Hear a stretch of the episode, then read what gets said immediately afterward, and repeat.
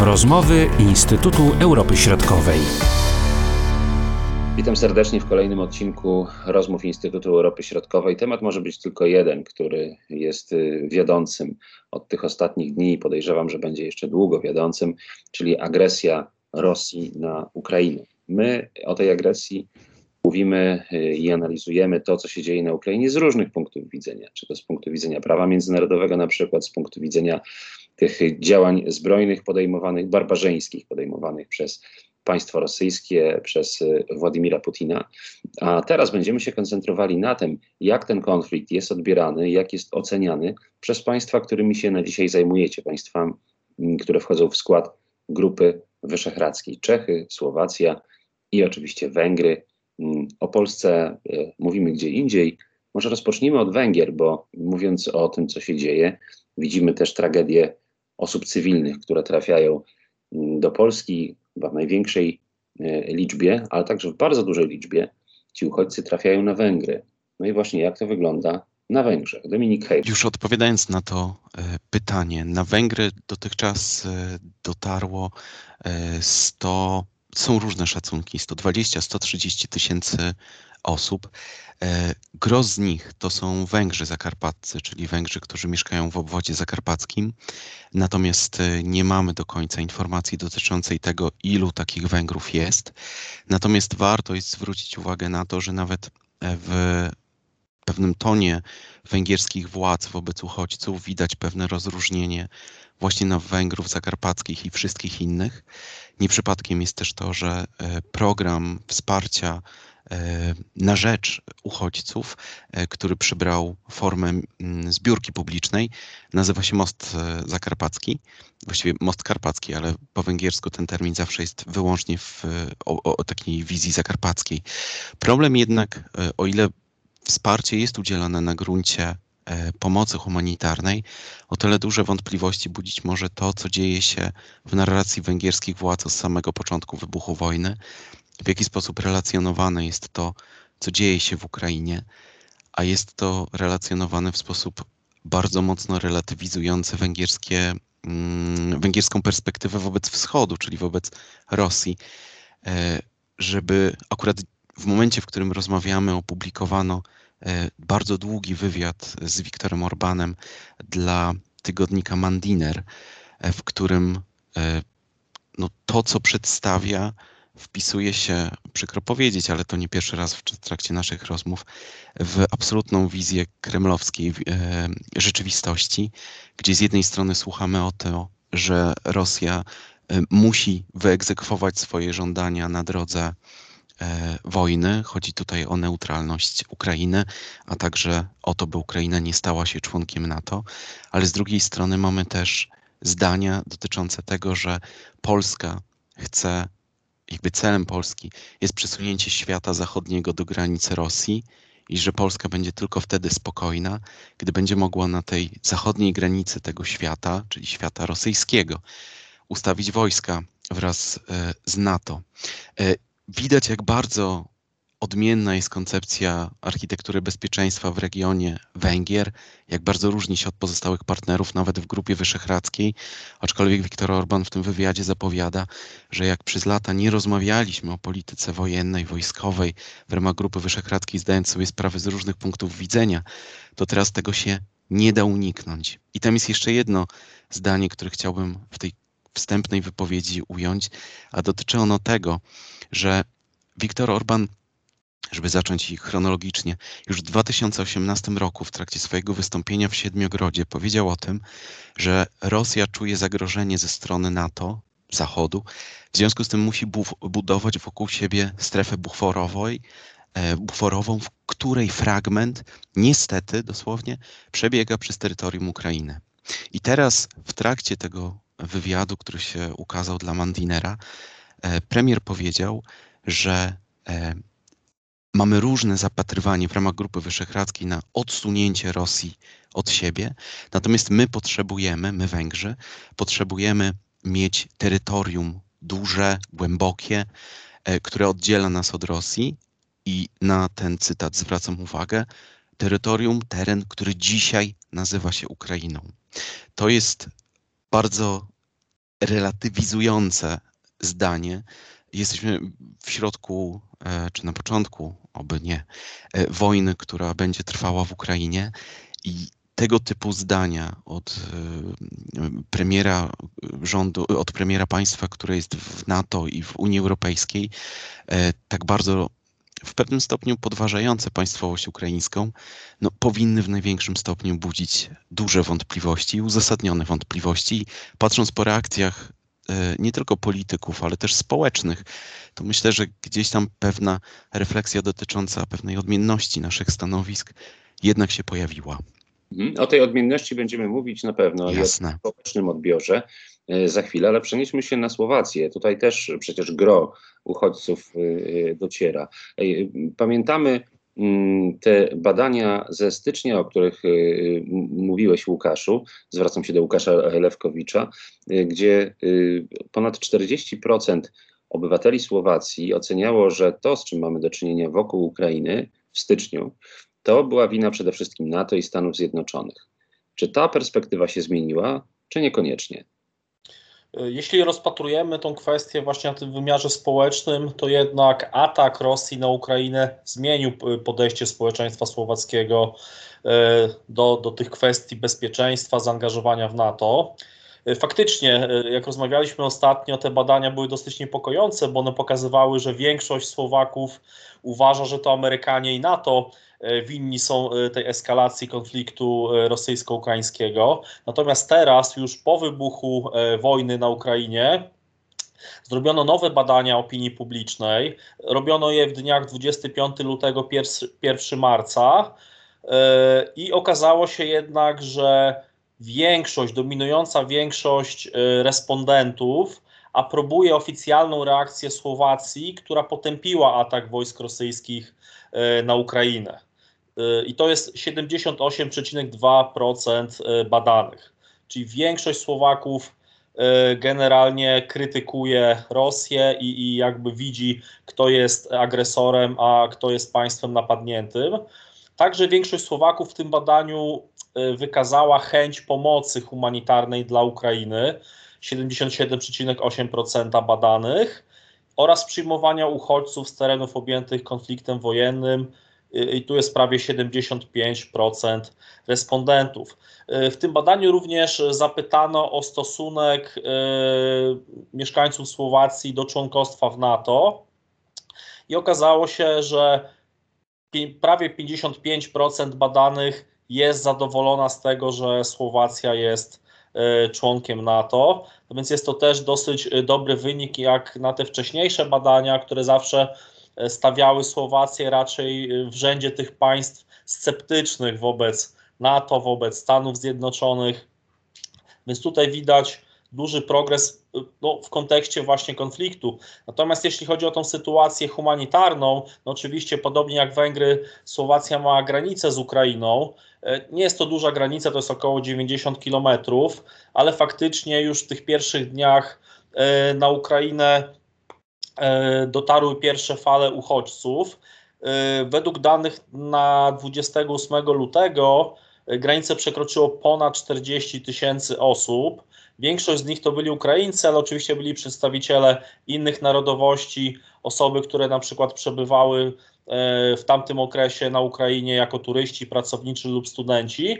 No, Słowacja dosyć szybko zareagowała, jeśli chodzi właśnie o ten kryzys humanitarny. Y, już 27 lutego Ministerstwo Spraw Wewnętrznych zaczęło organizować hotspoty y, w gminach wschodniej Słowacji. Y, także tam zlokalizowano taki specjalny sztab operacyjny, który miał i ma dalej zarządzać wszystkimi jednostkami podlegającymi właśnie MSW oraz innymi jednostkami, które zajmują się generalnie opieką czy działaniami na przejściach granicznych. I faktycznie te hotspoty, ten sztab operacyjny E, cały czas działa. Tak więc no, Słowacja e, póki co radzi sobie z tym kryzysem. Natomiast jeśli chodzi o ten wymiar polityczny, e, no to, to jest dosyć istotne, że te najważniejsze, najważniejsi politycy, najważniejsze organy państwa konstytucyjne, prezydent, premier czy na przykład marszałek parlamentu, oni zdecydowanie oficjalnie już w pierwszych godzinach po ataku Rosji na Ukrainę e, solidaryzowali się właśnie z Ukrainą, potępili Rosję, określili ją jako agresora, jednocześnie podkreślając, że no Słowacja jest w tym momencie na tą chwilę bezpieczna z tego względu, że jest e, członkiem NATO czy członkiem Unii Europejskiej. E, tak, tak więc inni ministrowie rządu również wypowiadali się mniej więcej w tym tonie. No bardziej ambiwalentny stosunek do całej sytuacji e, za wschodnią granicą Słowacji zajęły niektóre partie opozycyjne. O tym też wcześniej wielokrotnie mówiliśmy, że no ten, te takie tendencje rusofilskie e, na Słowacji zawsze były silne wśród części elit politycznych. No i do dzisiaj właściwie ta największa partia opozycyjna, Smer SD, e, z Robertem Ficą na czele, byłym premierem, ona się wypowiedziała tak e, niejasno w kwestii tego, co się dzieje na Ukrainie. No z jednej strony lider tej partii potępił użycie rosyjskich sił zbrojnych i wezwał do pomocy humanitarnej dla uchodźców. Z drugiej strony skrytykował właśnie prezydent Czaputową, premiera Hegera czy, czy marszałka parlamentu Kolara za właśnie ich te oświadczenie z pierwszego dnia konfliktu, uważając, że to niepotrzebnie wciąga Słowację w konflikt, że Słowacja nie jest tutaj stroną. Y, skrytykował bardzo wysyłanie broni na Ukrainę, bo tutaj też rząd E, słowacki, trzeba dodać, zadeklarował, prawda, wysłał amunicję między innymi e, e, dla wojsk ukraińskich. Fico również skrytykował zapraszanie żołnierzy natowskich z innych państw na Słowację, bo również została podjęta decyzja, żeby około 1200 żołnierzy, między innymi z Niemiec, Polski czy Republiki Czeskiej, na terytorium Słowacji obecnie e, przyjąć, rozlokować. Podobnie też skrajna prawica słowacka, która jest tak tradycyjnie antyukraińska, prorosyjska, skrytykowała te zaangażowanie się Słowacji w ten konflikt. Oni właśnie tak troszeczkę nie chcąc do końca mm, skrytykować E, Rosji, tak, czy, czy tutaj po jakiejś stronie się opowiedzieć, stwierdzili, że oczywiście mm, pomagajmy humanitarnie, ale z drugiej strony tutaj się powołali na przykład Węgier, żeby odmówić pomocy wojskowej bezpośredniej przez Słowację. Część tych elit po prostu, część, część polityków opozycyjnych jest zdecydowanie sceptyczna wobec angażowania się po stronie ukraińskiej. Właśnie, jeśli chodzi o to wsparcie militarne, to tak jak mówiłeś, Węgry odmawiają. Słowacja podjęła e, decyzję o wsparciu i podobnie zresztą e, Czechy. Zwracam się do Szczepana Czarneckiego. Tutaj no, pamiętamy te wypowiedzi prorosyjskie prezydenta Zemana. Czy dalej tutaj ta retoryka jest utrzymana? Bo mniej więcej wiemy, jak władze czeskie się wypowiadają już od dłuższego czasu, nowe władze czeskie o Rosji, jak oceniają rosyjską politykę i postępowanie i tak dalej. No, a co z innymi aktorami sceny politycznej w Czechach? E, jeżeli chodzi o pozostałych aktorów sceny politycznej w Czechach, tutaj e, nastąpiła duża zmiana. Po pierwsze, pojawiła się w pewnym e, momencie jednogłośność partii politycznych, wszystkich parlamentarnych partii politycznych, choć znowuż trzeba tutaj wskazać SPD, Tomia Okamury, które nawołuje do mm, zaprzestania wysyłania broni na Ukrainę, które poprzez promocję zaprzestania tego konfliktu, czyli Tomio Kamura wskazuje, że rząd powinien jednak kłaść, kłaść jak największy nacisk na to, aby e, ten konflikt został rozwiązany pokojowo jak najszybciej e, i tym tłumaczy e, swoją narrację. Przy czym no, podkreślić należy, że jest to bardzo marginalne stanowisko w Republice Czeskiej i szeroko krytykowane. Do zmiany doszło też, jeżeli chodzi o samego prezydenta Milosza Zemana, który bardzo relatywizował i bagatelizował możliwość konfliktu. No, prezydent już w piątek, bodajże 25 lutego, przyznał się do swojej pomyłki i wskazał, że jednak jak wcześniej podkreślając, że Rosjanie czy Władimir Putin nie jest szaleńcem, tak wskazał, że jednak nim jest, no i potępił atak Federacji Rosyjskiej na Ukrainę. Jeżeli chodzi o czeski rząd, to tutaj ta aktywność jest bardzo duża, bardzo wysoka. Ilość działań podejmowanych przez Republikę Czeską jest szeroka.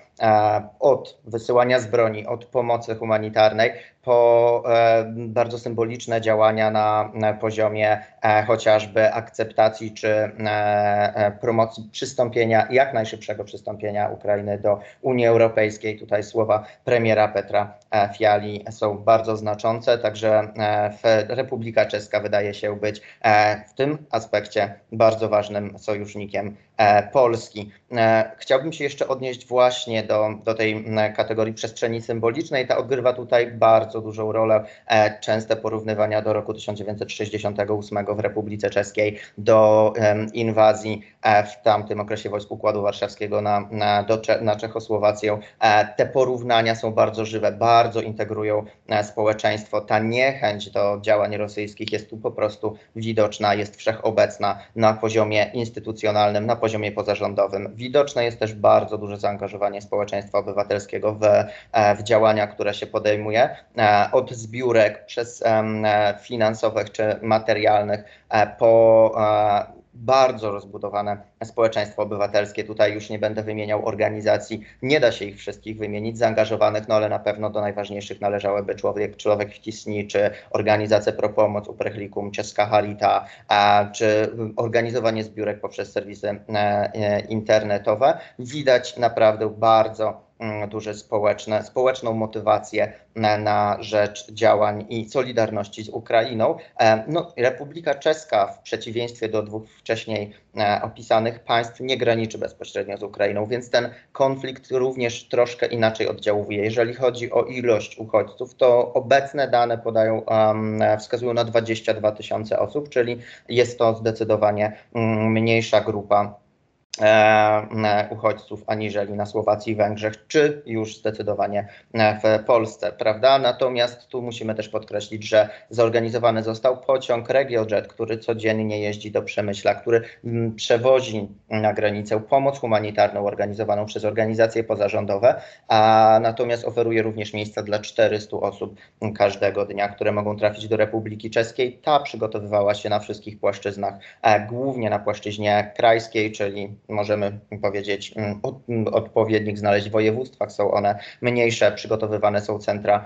dla uchodźców, przygotowywane są specjalne mm, e, nowe pozycje, e, e, są osoby zatrudniane, które mają te całe działa, wszystkie działania koordynować. No i duże zaangażowanie społeczeństwa obywatelskiego. Niewątpliwie władze liczą też na to, że część osób, które z Ukrainy przyjadą, będą po prostu przyjeżdżać do swoich rodzin. Tutaj mniejszość ukraińska jest również obecna. Jest to wielu pracowników, studentów mm, e, czy, czy osób reprezentujących e, inne profesje. Także jest to niewątpliwie bardzo duży akt solidarności Republiki Czeskiej. A w naszych komentarzach też można przeczytać, jaką dokładnie broń Republika Czeska przekazywała e, Ukrainie. I to niesławnie. To trzeba podkreślić, że zwyczajnie jest to stałe i, i niezmienne, przy czym tutaj Republika Czeska wysłała też policjantów na granice słowackie chociażby do pomocy, czy też e, duże znaczenie nabiera w tym momencie kategoria bezpieczeństwa informacyjnego i cyberbezpieczeństwa.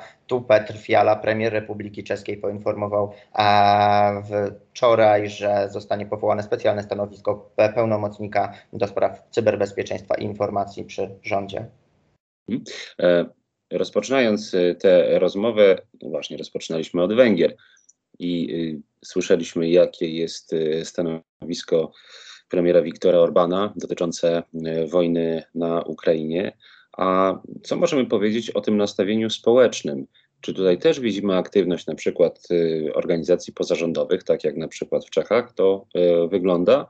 Czy ta aktywność jest mniejsza w związku z tym, że premier Węgier ma takie, a nie inne stanowisko do tego, co się dzieje na Ukrainie. Odpowiadając e, na to pytanie, akurat w odróżnieniu od e, pozostałych państw, Węgry e, nie wyraziły zgody ani na sprzedaż broni, ani na jej tranzyt przez węgierskie terytorium, uzasadniając to tym, Viktor Orban, że nie można pozwolić sobie na przekazanie jakiejś broni, bo trzeba będzie ją bronić wschodnich granic. Natomiast nie pozwolono na jej tranzyt, transport. Tutaj mówił minister Peter Siarto, szef węgierskiej dyplomacji, że to narazi na niebezpieczeństwo Węgrów na Węgrzech i Węgrów zakarpackich, uczyni te tereny celami, dlatego że będzie ktoś chciał te szlaki dostaw e, przełamać. Tu wartym odnotowania jest jedna rzecz, że mm, granie w pewnym stopniu Węgrami zakarpackimi e, i tym zagrożeniem dla ich zdrowia, życia jest o tyle realne, że odnotowano już śmierć e, w pierwszym dniu rosyjskiej inwazji 29-letniego Mm, Szandora Kisza, e, który służył w marynarce wojennej e, i został e, jego statek ostrzelany. Natomiast co jeszcze jest istotne przy takiej szerszej narracji, mianowicie Węgry nie mają tradycji kulturowej, historycznej związanej z Ukrainą, czy jeżeli to odniesiemy na przykład do Polski, to państwo nigdy nie miało większej roli e, dla e, w ogóle funkcjonowania Węgier. E, poza oczywiście uznawaniem, że jest to wyłączny bufor między Węgrami a Rosją. W związku z tym nie ma masowych zrywów, masowych protestów. Oczywiście w rejonie działają organizacje pozarządowe, jak zawsze, które przy granicy starają się pomóc. Natomiast należy odnotować, że nie jest to temat, który poruszył serca E, węgierskiego społeczeństwa, co wynika e, z dużego konformizmu e, i, i takiej narracji nieczęstego angażowania się w walce o waszą i naszą wolność, tak to określmy enigmatycznie.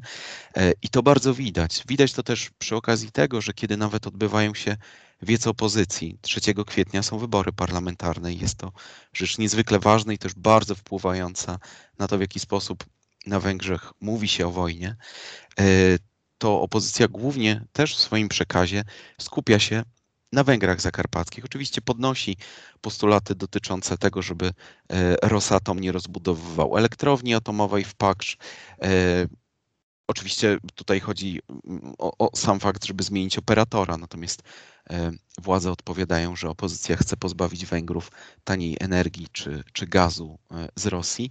Natomiast czy wyjście na przykład z Międzynarodowego Banku Inwestycyjnego, z którego wczoraj kilka państw naszego regionu wyszło, i ma to bezpośrednie przełożenie, nazwijmy to takiej synergii, pewnej obojętności, co oczywiście jest podtrzymywane w w mediach, jest tam wykreowany i na to warto jest zwrócić uwagę pewien mm, intrygująco zaprzeczający sam sobie obraz świata, dlatego że z jednej strony e, musimy wykreować obraz świata, który pozwoli nam wy, wybory przeprowadzić w spokoju za miesiąc, 3 kwietnia. Z drugiej strony media kreują obraz świata, w którym zagrożenie dotyczące możliwości rozlania się konfliktu na Węgry jest bardzo duże. E, tak, takie zdania płyną z ust czy to Wiktora Orbana, czy ministra spraw e, zagranicznych Petera Siarto. O ile mm, o czym już mówił Łukasz, e, mówi się o tym, że prawda, Słowacja jest bezpieczna, bo jest w NATO. Na Węgrzech się o tym w ogóle nie mówi.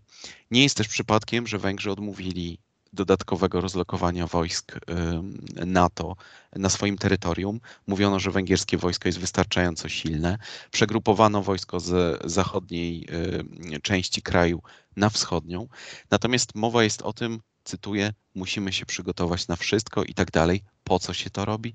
Ano po to, żeby konsolidować elektorat przed wyborami i mówiąc wprost, a wielokrotnie, czy myśmy rozmawiali, czy, czy, czy pisałem w komentarzach Instytutu Europy Środkowej o tym, jak wygląda system medialny na Węgrzech e, i o tym, że jego celem jest pewne, nazwijmy to, systemowe zarządzanie inżynierią e, społeczną, nastrojami społecznymi. No i teraz mają być one w największym stopniu podporządkowane. Gdyby ktoś zapytał, no dobrze, a co media opozycyjne, to cały czas pamiętajmy o tym, że struktura socjodemograficzna Węgier wskazuje na to, że zdecydowana większość kraju jest e, nazwijmy to, zależna informacyjnie, czy to od mediów państwowych, czy od koncernu tak zwanej KESMY, w, w skład której wchodzi kilkaset tytułów, mediów, które przedłużają, tak to nazwijmy, narrację węgierskich władz.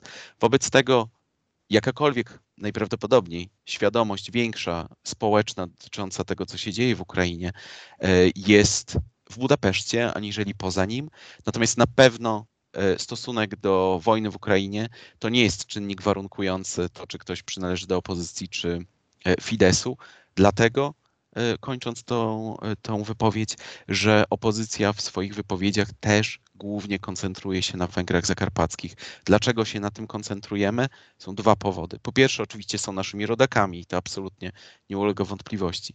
Po drugie, głosy z Zakarpacia są dość ważne w wyborach. W związku z tym, e, pomimo całego dramatu sytuacji w Ukrainie, e, kalkulacje polityczne oczywiście całemu tego, temu procesowi towarzyszą. Hmm? A jeśli chodzi o to poparcie społeczne w ogóle dla Wiktora Orbana, jak ono teraz wygląda? Bo tam kilka miesięcy temu mieliśmy informację, że tam wzrasta konkurencja polityczna na Węgrzech. To się zmieniło, czy nie zmieniło? E, zmieniło się, to znaczy pamiętajmy, że sondaże w stanie nadzwyczajnym, tak to nazwijmy, oczywiście będą nieco inaczej wyglądały. E, Median, ośrodek badań, opublikował przed kilkudziesięcioma godzinami dane, zgodnie z którymi e, poparcie Fidesu wzrosło do 50% w grupie zdeklarowanych wyborców, natomiast opozycji do 40%. Zmalało, tak, czyli mniej więcej się wymieniono. Natomiast e, dlaczego dla mnie to badanie akurat, oczywiście w czasach kryzysu konsolidujemy się wokół władzy, nie ulega to żadnej wątpliwości. Ale dlaczego mam pewne wątpliwości dotyczące akurat tego sondażu, albo nie uznaję go za głównie wskazujący tak naprawdę na to, co Węgrzy myślą o tej polityce? Dlatego, że został on zrealizowany w dniach 22-26 lutego. W związku z tym wojna wybucha w środku prowadzenia pomiaru. Pierwsze zdania dotyczące tego, że Węgry nie udzielą pomocy zbrojnej Ukrainie, e, czy nie wyślą tam wojsk, e, pojawiają się w takiej bardzo mocnej przestrzeni publicznej 27 lutego, czyli po jego zakończeniu. W związku z tym czekam teraz na następny sondaż, który pokaże nam nieco więcej. Natomiast e, gdybyś pytał od razu, kto wygra te wybory, to myślę, że o tym też kiedyś rozmawialiśmy, że nie ma większych wątpliwości, że wygra Fidesz. Pytanie, jaką większością?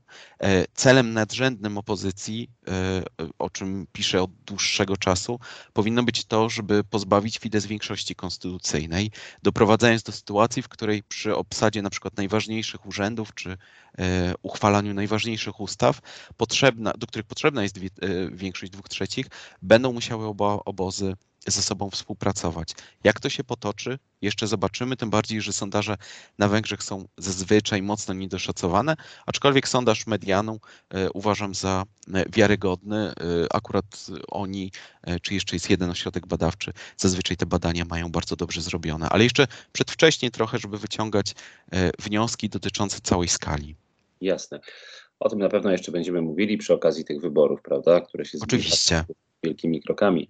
Natomiast y, przenosząc się z powrotem na Słowację i do Czech, y, ciekawi mnie, bo w Polsce jesteśmy świadkami y, tutaj zmian prawnych, które mają wzmocnić tą militarną stronę państwa polskiego i szczególnie no, w tym obliczu tego konfliktu, tej wojny, którą widzimy na Ukrainie, ma to szczególny wymiar. Czy podobne może działania są podejmowane czy to na Słowacji, czy y, w Czechach. Łukasz Lewkowicz na początek. Dokładnie tak. Znaczy, to się jeszcze wydarzyło przed y, atakiem Rosji na Ukrainę, bo w lutym tego roku została podpisana umowa obronna między Słowacją a Stanami Zjednoczonymi. Ona też jakby w takim, tam było bardzo dużo kontrowersji, towarzyszyło dyskusji generalnie nad przyjęciem tej umowy, mimo że to była jest taka standardowa umowa podpisywana między Amerykanami a członkami NATO, ale ona obowiązuje w tym momencie i ona w dużym stopniu umożliwia e, Słowacji właśnie ściągnięcie dodatkowych oddziałów natowskich na swoje terytorium. Czyli tak jak wcześniej mówiłem, to zostało zapowiedziane, że, że takie oddziały się e, znajdą na Słowacji e, z różnych państw natowskich, ale, ale będą. Wcześniej się mówiło przede wszystkim o wojskach z Republiki Czeskiej, natomiast ostatnio minister obrony stwierdził, że to będzie taki bardziej międzynarodowy kontyngent. Także ta umowa umożliwia w dużym stopniu pozyskanie środków od Stanów Zjednoczonych na modernizację armii. Tak więc tam będą modernizowane m.in. lotniska na Słowacji, prawdopodobnie też sprzęt wojskowy i tak dalej. Więc w tym zakresie widać dosyć duży progres, jeśli chodzi o te ostatnie lata dotyczące bezpieczeństwa. Zwraca się również uwagę na kwestie cyberbezpieczeństwa i w ogóle tej wojny informacyjnej w przestrzeni E, słowackiej. E, tutaj Szczepan wcześniej wspominał o tym, że, że, że Czesi też podejmują e, działania dotyczące no, walki z dezinformacją, propagandą. To dzieje się również na Słowacji, to trochę bliźniacze decyzje. Przyjęto w ostatnim czasie rozwiązania prawne, które umożliwiają na przykład zamykanie stron, które szerzą propagandę prorosyjską. I takim klasycznym przykładem jest zamknięcie dosłownie niedawno takiej dużej strony internetowej Chlawne Sprawy, w której znajdowała się właśnie taka narracja prorosyjska, antyukraińska, y, no takie różne y, konspiracyjne y, tematy podejmowano. Ona została po prostu zamknięta przez taki specjalny urząd państwowy, to jest Narodowy Urząd Bezpieczeństwa, który zajmuje się kontrolą e, cyberbezpieczeństwa na Słowacji. Dlaczego o tym wspominam? E, bo tak jak już rozmawialiśmy pewnie kilkukrotnie wcześniej, omawiając w ogóle kwestie słowackie, ten panslawizm, ta propaganda prorosyjska niestety na Słowacji od wielu lat odnajduje się, tak? Ona, znaczy jakby społeczeństwo jej ulega. Wielu polityków też szerzy poprzez różnego rodzaju profile w mediach społecznościowych taką narrację, ale teraz mamy już pewne narzędzia, żeby z tym walczyć. Bo faktycznie ja sobie czasami przeglądam tą e, przestrzeń e, w mediach społecznościowych słowacką, śledzę sobie konta niektórych polityków, na przykład tych opozycyjnych, o których wspominałem wcześniej, i faktycznie tam było bardzo dużo takiej prymitywnej, prokremlowskiej propagandy, w sensie to nie jest żadna wojna, to jest no, operacja specjalna w Donbasie. Naziści ukraińscy mordują e, Rosjan i taka, taka propaganda e, pokazywała się nie na profilach rosyjskich, tylko na profilach słowackich polityków czy różnych działaczy społecznych. No teraz są pewne narzędzia, żeby z tym walczyć. Zobaczymy, no już pewne skutki mamy. Znaczy ten konflikt, ten wybuch wojny był chyba szokiem dla części społeczeństwa i faktycznie te badania, te pierwsze badania opinii publicznej wskazują na pewną zmianę podejścia do NATO. E, bo tak jak wcześniej e, wspomniałem, no te badania pokazały, że jednak NATO jest ważne dla Słowaków i oni się dzięki temu czują bezpieczniejsi. Natomiast gdybyśmy się cofnęli w, w czasie, i sobie przeanalizowali e, badanie opinii publicznej robione przez Globsec przez wiele lat, tam Słowacja wypadała bardzo słabo, jeżeli chodzi o poparcie dla NATO, poparcie dla współpracy z, ze Stanami Zjednoczonymi. Teraz się prawdopodobnie to troszeczkę zacznie zmieniać, ale pamiętajmy o tym, że wielu polityków słowackich, no między innymi Smeru, e, drugiej partii, tej socjaldemokratycznej Hlas, plus tych partii E, czy partyjek takich skrajnie prawicowych, one mają jakby, zyskują sobie poparcie, elektorat dzięki właśnie tej narracji antywojennej, te, te, przedstawianiu takiej koncepcji neutralności w tym konflikcie, czasami narracji prorosyjskiej, antyukraińskiej. Czy one zyskają punkt, zyskują punkty dzięki temu. Smer od wielu tygodni jest liderem poparcia czyli partia, która przegrała poprzednie wybory w 2020 roku. No, premier Robert Fico, który odszedł po, po, po zabójstwie dziennikarza y, Jana Kucjaka, teraz jest liderem sondaży, wraca jakby do gry politycznej i widać, że te, że te kwestie dotyczące właśnie konfliktu na Ukrainie paradoksalnie no, umożliwiają mu e, e te poparcie. I tu chciałem jeszcze też dodać, że Słowacja też symbolicznie e, próbuje gdzieś się aktywizować, jeśli chodzi o, o, tą, o wsparcie dla Ukrainy, co paradoksalnie łączy zarówno rządzących obecnie z opozycją. I to jest taki ciekawy przykład, o którym chciałem wspomnieć, że na początku konfliktu premier Edward Heger publicznie zaoferował Ukraińcom i stronie rosyjskiej Bratysławę jako miejsce ewentualnych negocjacji pokojowych. No, argumentował to oczywiście chęcią jak najszybszego rozwiązania konfliktu, no, dobrymi relacjami Słowacji z Ukrainą, ale to, to znalazło również jakby oddźwięk y, wśród partii opozycyjnych i na przykład prorosyjska, pozaparlamentarna partia Słowacka Partia Narodowa również jakby stwierdziła, że to jest bardzo dobry pomysł. Również politycy Smeru, wysocy y, politycy Smeru stwierdzili, że negocjacje na terenie Słowacji byłyby dobrym rozwiązaniem. Nie wiem, jak to się rozwinie, na razie nie ma odpowiedzi, czy, czy faktycznie Słowacja mogłaby się takim miejscem, y, takim miejscem być, ale być może w przyszłości dyplomacja słowacka gdzieś na, w tym zakresie będzie y, działała. Tak więc to jest taki ciekawy przykład, że gdzieś tutaj Słowacja chce, chce też wychodzić na, y, na lidera regionu, pewne propozycje dodatkowe zgłaszać. A jeśli chodzi o Czechy i tutaj pewne rozwiązania się pojawiły? Tak, jak najbardziej i mm, te rozwiązania, jeżeli chodzi o ogólnie o skupienie się na mm, bezpieczeństwie i na NATO, ono znalazło już e, bardzo wysokie miejsce w programie nowego rządu jeszcze przed rozpoczęciem konfliktu. Tutaj rząd Petra Fiali już na poziomie kampanii, a później formowania się koalicji e, deklarował zwiększenie wydatków, e, jeżeli chodzi o NATO i osiągnięcie 2% PKB, czyli tej średniej, prawda? Natomiast, więc była ta narracja bardzo obecna w przestrzeni publicznej, plus do tego bezpieczeństwo samo w sobie, które znajdowało mm, bardzo wysoką pozycję, w tym e, cyberbezpieczeństwo, o którym wspomniałem wcześniej. E, w tym momencie e, Czechy znajdują się, Republika Czeska znajduje się w dość specyficznej sytuacji ze względu na to, że funkcjonuje w, w, w ramach prowizorium budżetowego. Także ten budżet, to prowizorium jest planowane, zakończenie jego funkcjonowania jest zaplanowane na koniec marca i e, rząd Republiki Czeskiej deklarował, że obniży mm, e, e, ten budżet zadłużenie o 100 milionów koron, co zresztą udało mu się zaproponować, przy czym straciło na tym również Ministerstwo Obrony, prawda? Tutaj przełożenie pewnego rodzaju zamówień i pojawiały się pytania, jak na jakim, e, jak zostanie osiągnięty e, ten poziom wydatków mm, na obronę. Przy czym wczoraj Petr Fiala już zadeklarował o zwiększeniu budżetu dla Ministerstwa Obrony o 1 miliard koron i głównie te pieniądze mają zostać przekazane na e, kupno broni strzeleckiej dla czeskiej armii. Ponadto bezpieczeństwo jest tutaj odmieniane przez wszystkie przypadki. E, cały czas się o nim mówi. Badania pokazują, że Czesi bardzo obawiają się rozwinięcia tego konfliktu e, i wyjścia poza terytorium Ukrainy. Tak naprawdę 60% Czechów obawia się, że ten konflikt może odgrywać się, e, być szerszy i odgrywać się na terytorium innych państw, w tym oczywiście również Republiki Czeskiej, gdzie ta obawa jest realna na poziomie, na poziomie społecznym, więc tu premier oczywiście zapewnia o tym, że Republika Czeska właśnie poprzez NATO jest państwem bezpiecznym, że Republice Czeskiej nie grozi ten bezpośredni e, konflikt i atak, natomiast te obawy społeczne są bardzo widoczne. E, równocześnie, tak jak wspomniałem wcześniej, cyberbezpieczeństwo i e, informacje to odgrywa bardzo dużą rolę, również trzeba podkreślić, że przed samym konfliktem było mm, bardzo szeroko debatowane i czeski rząd planuje zwiększenie swoich działań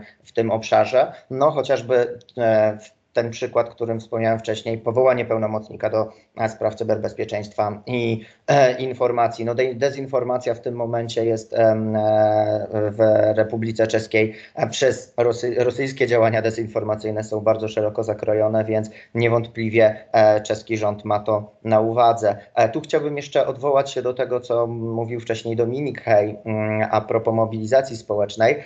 no to w Czechach ta mobilizacja społeczna jest o tyle widoczna. Sam premier Fiala wskazywał na to, żeby również tę pomoc humanitarną, z tą pomocą kierować się do organizacji pozarządowych. Jest to sektor, który w jakimś stopniu przejął te działania od rządu, jako że rząd nie jest w stanie monitorować, ale też reagować stuprocentowo na wszystkie potrzeby, jakie się pojawiają. Ten sektor pozarządowy jest tu niezwykle ważny i bardzo potrzebny i cieszy się on dużym wsparciem. Zaś mobilizacja społeczna w Republice Czeskiej jest ogromna e, i na to tu, tu można wskazać chociażby dość pragmatyczne, nierzadko pasywne społeczeństwo czeskie, które e, no, te protestuje praktycznie cały czas i odbyły się w ciągu weekendu największe protesty, ponownie największe od okresu protestów organizowanych przez Milion Chwilek Pro Demokracji, a, a tak naprawdę również od roku 89, gdzie w Pradze według różnych szacunków ten antywojenny protest e, antyrosyjski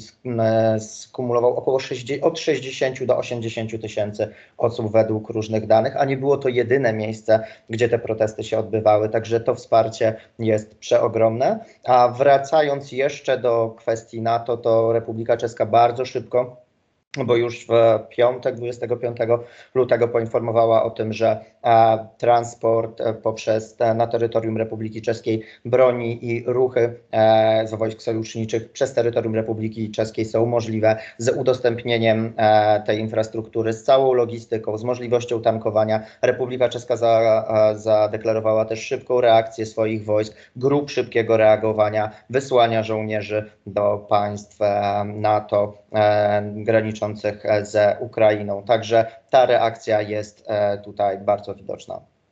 Panowie, w związku z tym, że mamy taką, a nie inną politykę państwa węgierskiego, widać to chociażby jeśli chodzi o Ukrainę, jak y, właśnie te decyzje, które zapadają i te mm, poglądy, które y, widzimy i słyszymy e, w Budapeszcie, jak one wpłyną na Grupę Wyszehradzką w przyszłości?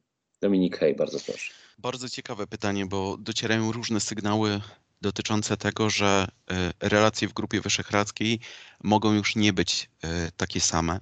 E, jest postulat, żeby wręcz tak, mniej czy bardziej pozostające w sferze political fiction, żeby Węgry zamienić na Rumunię na chwilę.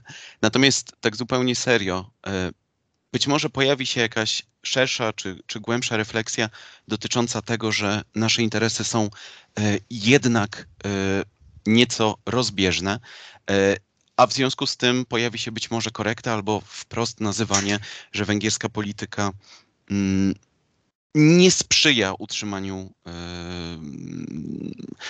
spokoju czy utrwaleniu obecnej architektury bezpieczeństwa w regionie. To jest też problem jeszcze jeden, który występuje, a związany jest z tym, że E, na Węgrzech, o czym też rozmawialiśmy przy okazji setnej rocznicy traktatu z Trianon, e, pozostają dość silne e, resentymenty, w związku z tym w przestrzeni mniej bądź bardziej publicznej na Węgrzech i takie głosy czasami związane z Zakarpaciem występują.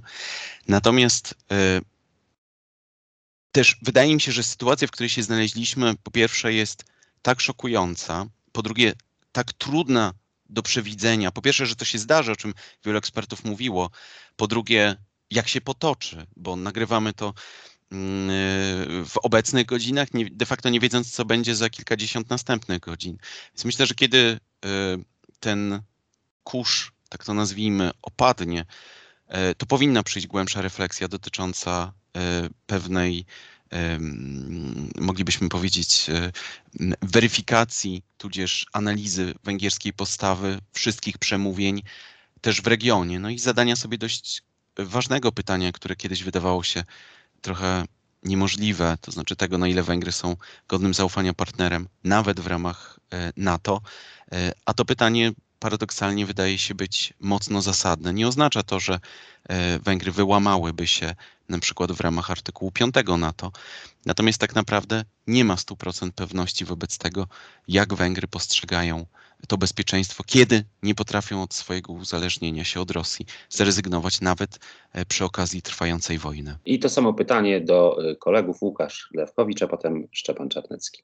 No pamiętajmy, że ta kakofonia, jeśli chodzi o politykę wschodnią, podejście do Rosji, do Ukrainy, to nie jest jakiś wytwór ostatnich dni, bo ona już istniała w ramach Grupy Wyszehradzkiej na przykład po 2014 roku, kiedy też była dosyć duża różnica zdań między poszczególnymi państwami. Wtedy to było troszeczkę inaczej, znaczy poza Węgrami e, również Słowacja była takim państwem e, uznawanym za dosyć prorosyjskie, krytyczne wobec Ukrainy.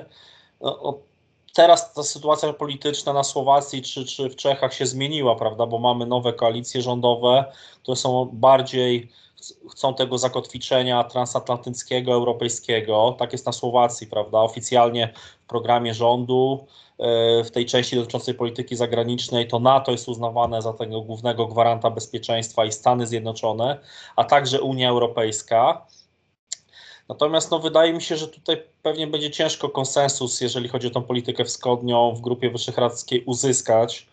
E, ja, jeżeli miałbym coś rekomendować, to wydaje mi się, że należałoby wzmocnić relacje Polski właśnie z Czechami, ze Słowacją w, w, tym momencie, bo z tego, co widzimy, e, z podejścia tych rządów obu państw, e, widać, że mamy tutaj właściwie praktycznie takie samo zdanie, jeżeli chodzi o percepcję Rosji, percepcję Ukrainy, chęć pomocy, solidarność z Ukrainą.